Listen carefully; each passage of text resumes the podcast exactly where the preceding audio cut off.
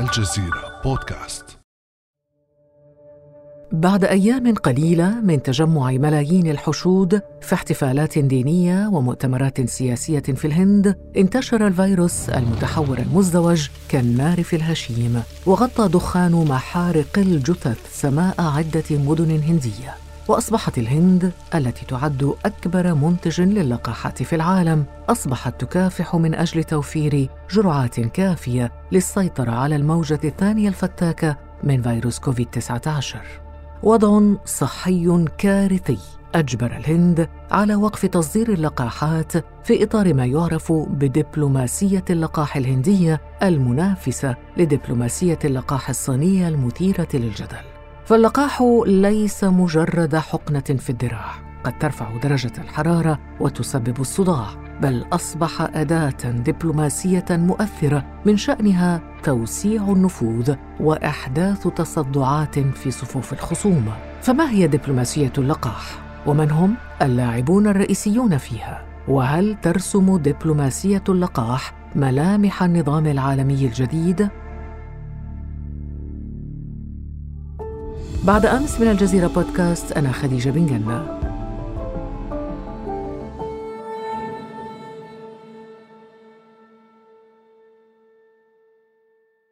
أرحب في هذه الحلقة بالدكتور محمد الشرقاوي أستاذ تسوية الصراعات الدولية وعضو لجنة الأمم المتحدة سابقاً.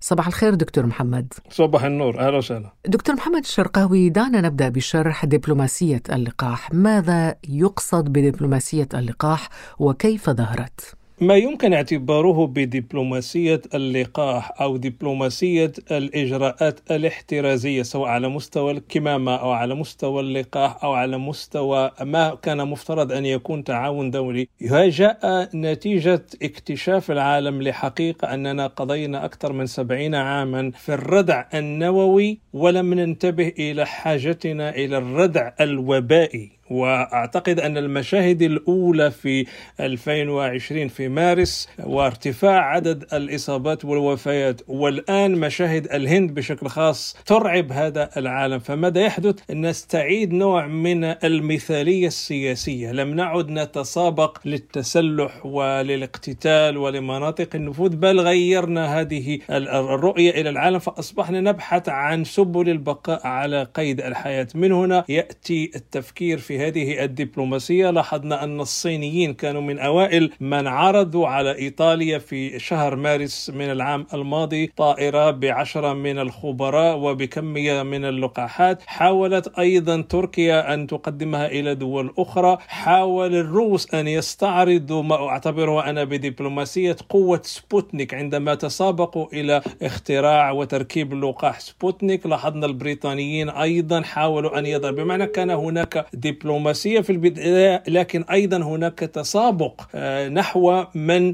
يكتسب أول براءة اختراع. ولاحظنا كيف حتى أن الرئيس ترامب في وقت من الأوقات كان يحاول التحايل على مختبر للأدوية في ألمانيا برشوة بلغت مليار دولار ليحتكر الحق في آه، توزيع اللقاحات الجديدة على أساس أن يستخدمها لترجيح الكفة الانتخابية واستمالة الرأي العام إليه على أساس أنه الرئيس الذي يحمي الامريكيين ولا يفكر في بقية العالم. فالآن الدبلوماسية نفسها أيضا عكست حقيقة أننا على الصعيد الدولي. ناهيك يعني بعيدا عن تسابق هذه الدول على الصعيد الدولي هناك فشل واضح على مستوى منظمة الصحة العالمية وحتى بقية وكالات الأمم المتحدة. لم نقدم دبلوماسية دولية موحدة وإنما فقط دبلوماسية دول تريد أن تصبح عظمى. لكن برأيك دكتور شرقاوي من هم اللاعبون الرئيسيون في دبلوماسية اللقاح؟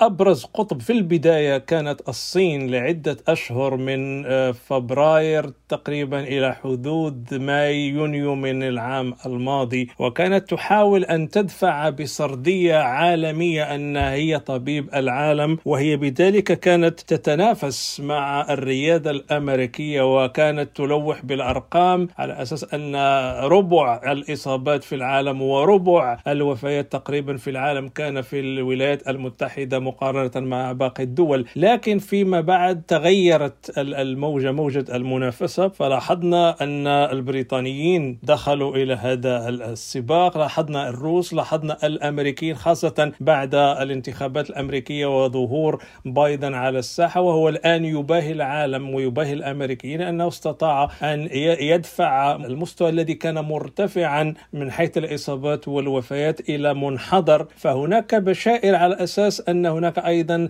حديث عن تعاون على ما يسمى بصندوق دولي لمكافحة الوباء. نعم وهو صندوق كوفاكس. بالضبط. لكن أعتقد من ناحية المعاينة الموضوعية إذا قضينا قرابة العام ونصف الآن يعني نحن في شهر سبعة سنصل إلى عام ونصف آه، إذا اعتبرنا أن هناك طب متقدم وهناك انكباب مختلف المختبرات في العالم على الإسراع والتقدم في مجال يعني تركيب لقاح مفيد. أعتقد أن المشهد في الهند هذه الأيام مرعب للغاية وينطوي على أننا لم نقر بعد أنه حتى إذا كانت هناك دبلوماسية عالمية أو هناك نوع من المثالية السياسية التي نستعيدها ليس هناك توازن في نسبة الإصابات بين انكماشها في مناطق ودول معينة وارتفاعها في مناطق أخرى. وللأسف الدول الفقيرة أو الدول ذات الحاجة أو ذات الكثافة السكانية من الهند. المسألة هنا نوع من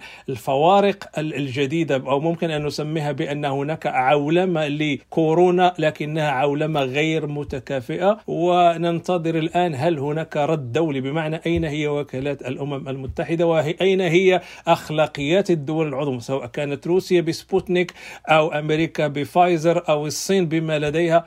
للأسف لم تظهر هناك جهود موحدة لمساعدة الهند الآن لأن وتيرة الموت أسرع بكثير وأكثر ضراوة من أي دولة أخرى عايشت وباء كورونا لكن ألم يغب الاتحاد الأوروبي والأوروبيون بشكل عام عن هذا المشهد؟ الأوروبيون كانوا هم أصلا الضحية الأولى وأتذكر كتبت دراسة عن المحنة في إيطاليا وفي إسبانيا اللتين شهدتا أسوأ معاناة. آه، للأسف آه، حتى الاتحاد الأوروبي أخفق في مساعدة دول أعضاء خاصة إيطاليا. وإيطاليا والمسؤولون الإيطاليون شكوا علنا أن الاتحاد الأوروبي أدار ظهرهم عنهم وتركهم يعني وحيدين في معركة كورونا.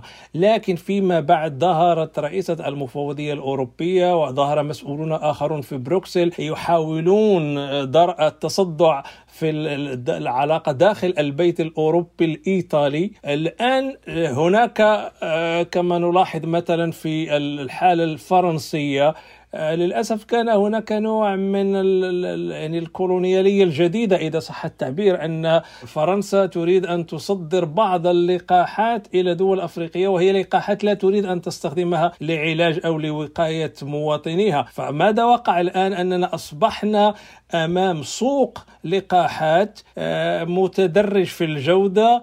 الدول الغنية تريد فايزر والدول الفقيرة إما تمنح أو عليها أن تشتري وتقبل آه، أسترازينيكا والعقارات أو اللقاحات الأخرى المثيرة للجدل. ولم نصل حتى وأعتقد هذه مشكلة أخرى لم نصل حتى إلى توحيد الفتوى العلمية أو الفتوى الطبية ماذا ينفع وما لا وماذا لا ينفع. بمعنى هل نتوحد حول قائمة اللقاحات وبالتالي نتعامل بها مع كل الإصابات بغض النظر النظر عن العرق أو عن مستوى النمو أو عن الجغرافيا أو عن نصيب الدولة من التقدم أو التخلف.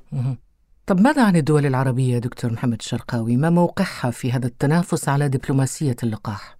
أعتقد الدول العربية لا تزال تعاني لا تزال مسكونة برعب المنحدرات والمرتفعات لتفشي كورونا كل يوم. ولاحظنا أن حتى آه، الرحلات الجوية وإغلاق أو فتح المطارات وقضية الحركة في المدن وأيضا إلزام الناس بالبقاء في بيوتهم في الفنادق أصبحت مرعوبة إلى حد أنه يمكن القول لا زلنا لم نصل على المستوى العربي إلى استراتيجية موحدة أو على الأقل تبادل الخبرات على مستوى مستوى كيفيه احتواء تفشي كورونا. ونلاحظ أن حتى في منطقة الخليج نرى أن هناك إجراءات متباينة. في في المغرب الكبير ما تفعله تونس غير ما يفعله المغرب. الأكثر من هذا لاحظنا في بعض الدول أن الخوف من من تفشي كورونا تحول إلى نوع من المساومة غير الدبلوماسية في علاقات بعض الدول العربية مع دول أوروبية. مثلا أزمة المغرب مع بلجيكا مع هولندا. أيضا آه، الجزائر كانت يعني في وقت من الأوقات يعني حائرة في هل تفتح نسبيا أم كليا أم تغلق؟ ناهيك عن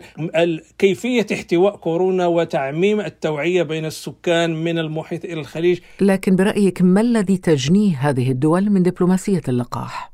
أعتقد أصبحنا أمام مركب آه، أو ممكن أن نسميه بمركب الاعتداد بما هو سيادي بمعنى حتى بيروقراطية كورونا آه، يعني تستخدم لتمرير أو لممارسة ما تعتد به كل دولة على أنه من مجالها الجوي ومن مجالها الطبي ومن مجالها الإداري، ليس هناك توحيد وليس هناك تعاون حقيقي، وأعتقد أن منطق السيادة الكورونية ونحن نعاني نفس الوباء ويموت منا نفس الأشخاص بنفس السبب ويصاب منا الأشخاص بنفس العلة، المعضلة موحدة لكن المنطلقات في التعامل معها صحيا واجتماعيا واداريا و أصبحنا قبائل وشيع في مواجهة قبيلة موحدة هي كورونا بين التهديد بالإصابة والتهديد بالموت.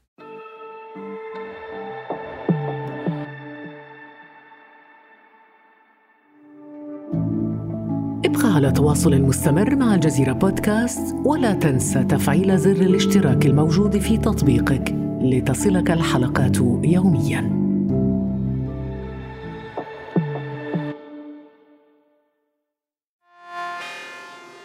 وبينما يحث البنك الدولي البلدان الغنية على تسريع الإفراج عن فائض اللقاحات وتصدير الجرعات المخزنة إلى الدول النامية، اتهم الاتحاد الأوروبي وسائل الإعلام الروسية والصينية بالعمل بشكل ممنهج على تقويض الثقة في اللقاحات الغربية المضادة لكوفيد 19 بهدف تقسيم الغرب واستغلال الخلافات بين دوله. هنا نسأل دكتور محمد ما حدود تأثير دبلوماسية اللقاح على العلاقات الدولية برأيك؟ أعتقد أهم عائق كرسته ولا تزال معضلة كورونا هو نوع من الانعزالية على خلاف العولمة التي جمعتنا لقرابة أربعين عاما. يعني انتشرت العولمة في بداية الثمانينات وقفزنا فوق الحدود وحتى السيادة لم تعد مسألة يعتد بها بمعنى أن كل دولة أو كل مجتمع يتفاعل مع المجتمع الآخر. أصبحنا بمثابة قرية موحدة وإن اختلفت اللغات والثقافات والطباع. لكن أرى الآن أن آه، كورونا تعيدنا الآن إلى تلك الجزر المتباعدة إلى العزلة ليس فقط السياسية والجغرافية بل حتى النفسية والثقافية. فقدنا القدرة على التعامل وأعتقد أن أغلبنا خاصة الذين كانوا يسافرون باستمرار أصبحوا الآن يقبعون في جغرافيا واحدة في بيوتهم حتى وإن لا يستطيعون حتى الذهاب إلى مكاتبهم أو إلى جامعاتهم. فأصبح الفرد وأصبحت المجتمعات في عزلة. عرفنا بدايتها لكن لا نعرف ولا نستطيع أن نقدم نقدر نهايتها الزمنية. وأعتقد هذا يضعف التعامل بين الدول. ولاحظنا أن الكثير من المؤتمرات والكثير من الملتقيات الدولية أصبحت تكتفي بالزوم وبالتواصل عن بعد. يعني لا يمكن حتى إدارة كل شيء في العلاقات الدولية بمنطق ما هو عن بعد. وحتى الآن على مستوى مجلس الأمن مثلا ألاحظ أن هناك جلسات تبحث في قرارات مهمة وفي أزمات ينبغي التعامل معها على الفور التطور لكن هناك يعني النقاش العام عن بعد. فعندما نفقد الحميمية الاجتماعية ورؤية العين في العين وذاك الوجود المشترك في نفس القاعة نفقد أيضا الكثير من التركيز ومن ومن التواصل. وأعتقد إذا كان لي أن ألخص أهم مشكلة الآن أن العلاقات الدولية الآن أقل تواصلا بين الدول بين الحكومات بين الأفراد مما كنا قبل تفشي كورونا. ناهيك أيضا الآن المعضلة الأخرى أنه لا يمكن ولكن التخطيط أو إدراج برامج التعاون لأننا نفقد القدرة على الاستشراف على آه، يعني معرفة ما هو قادم بعد شهر بعد شهرين بعد ثلاث فباختصار آه، ارتباكنا بسبب كورونا أيضا قلص من قدرة هذه الدينامية أو هذه الحيوية التي هي من طبيعة العلاقات الدولية سواء على المستوى الدولي على المستوى الإقليمي ناهيك أيضا حتى داخل الدولة الوطنية الواحدة. وربما أيضا على مستوى النظام العالمي الجديد دكتور محمد، يعني هل ترى أنه دبلوماسية اللقاح يمكن أن ترسم ملامح نظام عالمي جديد؟ أنا وزملائي في جامعة جورج ميسون نشرنا قبل شهر ونصف كتاب جديد يتحدث عن مستقبل العالم وقضية الصراعات وكيف يعني تتأثر بالخوف الجديد من من كورونا. وما نحتاجه الآن هو نحتاج معاهدة جديدة معاهدة دولية جديدة أو عقد سياسي دولي. وكما قلت في البداية يعني منشغلون حتى النخاع بالمخاوف مخاوف من الإرهاب ومخاوف من هجوم الخصوم عبر الحدود وربما قد يخترقون المجال الجوي. بمعنى آخر لا قضينا عقود طويلة في التحسب من الردع النووي. والآن لا نعرف ماذا نفعل أمام الردع الوبائي. فما أراه الآن أنا على مستوى الأمم المتحدة ينبغي أن يتحرك مجلس الأمن باتجاه إيجاد آلية جديدة نحو ربط الصحة العامة وحركة وإنعاش الاقتصاد وكيفية ديمومة الأفراد. بمعنى آخر عدنا إلى ما يسمى بنظرية الاحتياجات الإنسانية البسيطة basic human needs منها أن على المجتمعات سواء المجتمعات الوطنية يعني في داخل الدولة على المجتمع الدولي أيضا أن يأخذ بأن الخصم الحقيقي أو العدو الحقيقي هو ذاك الشبح الذي لا نراه لا نشم رائحته لا نعرف كيف يتسلل. فأعتقد الآن إذا كانت هناك مرحلة مرحلة مفصلية في التاريخ البشري على غرار نهاية الكولونيالية مثلا في الستينات أو نهاية الإقطاعية في القرن التاسع عشر أو أو نهاية العبودية في مرحلة من المراحل. الآن نحن أمام مرحلة زمنية مفصلية وهي مرحلة كورونا. وكيف نتعايش مع كورونا؟ وهي مرحلة ستختلف تماما عن فترة العولمة التي عشناها لقرابة الأربعين عاما. لكن لا شك دكتور شرقاوي أن دبلوماسية اللقاح لها مخاطر ما هي عيوبها؟ عيوبها بدأت مع نزعة بعض الدول نحو احتكار آه، براءة اختراع اللقاحات وأيضا يعني أعطتنا الآن آه، منافسة خفية. لا أحد يعرف الآن هذه الديناصورات الجديدة التي أصبحت تجني الملايير من الدولارات. شركات الفايزر وشركات جونسون وشركات السبوتنيك. هذه الشركات والمختبرات الطبية أصبحت هي الآن المارد أو الشيطان المارد الآن الذي يتحكم في الاقتصاد العالمي وأصبحت الخدمات الطبية يعني نوع من كما يقال يعني وجه آخر من وجه الليبرالية المتوحشة أو النيوليبرالية التي تعتد بحرية الأسواق ولا تعتد بمصالح الأفراد. نضيف أيضا أن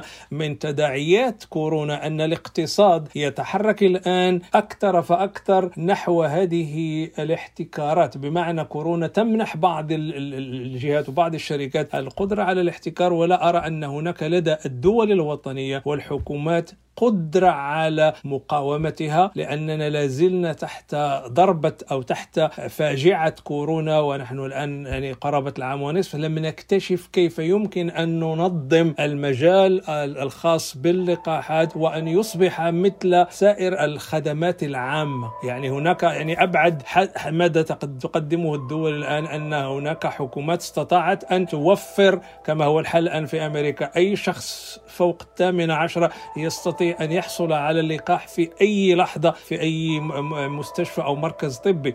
هذا هو حدنا الأقصى. لكن على المستوى الدولي لم نصل بعد أيضا إلى سياسة موحدة أو على الأقل كما قلت من قبل أن هناك دول محظوظة ودول غير محظوظة. وأعتقد الدول المتخلفة لا تزال الآن تكتشف أن معركة كورونا هي أكبر بكثير من كل المعارك التي خاضتها منذ استقلالها منذ الستينات. شكرا جزيلا لك دكتور محمد الشرقاوي أستاذ تسوية الصراعات الدولية وعضو لجنة الأمم المتحدة سابقا. شكرا لك. أهلا وسهلا. كان هذا بعد أمس. thank you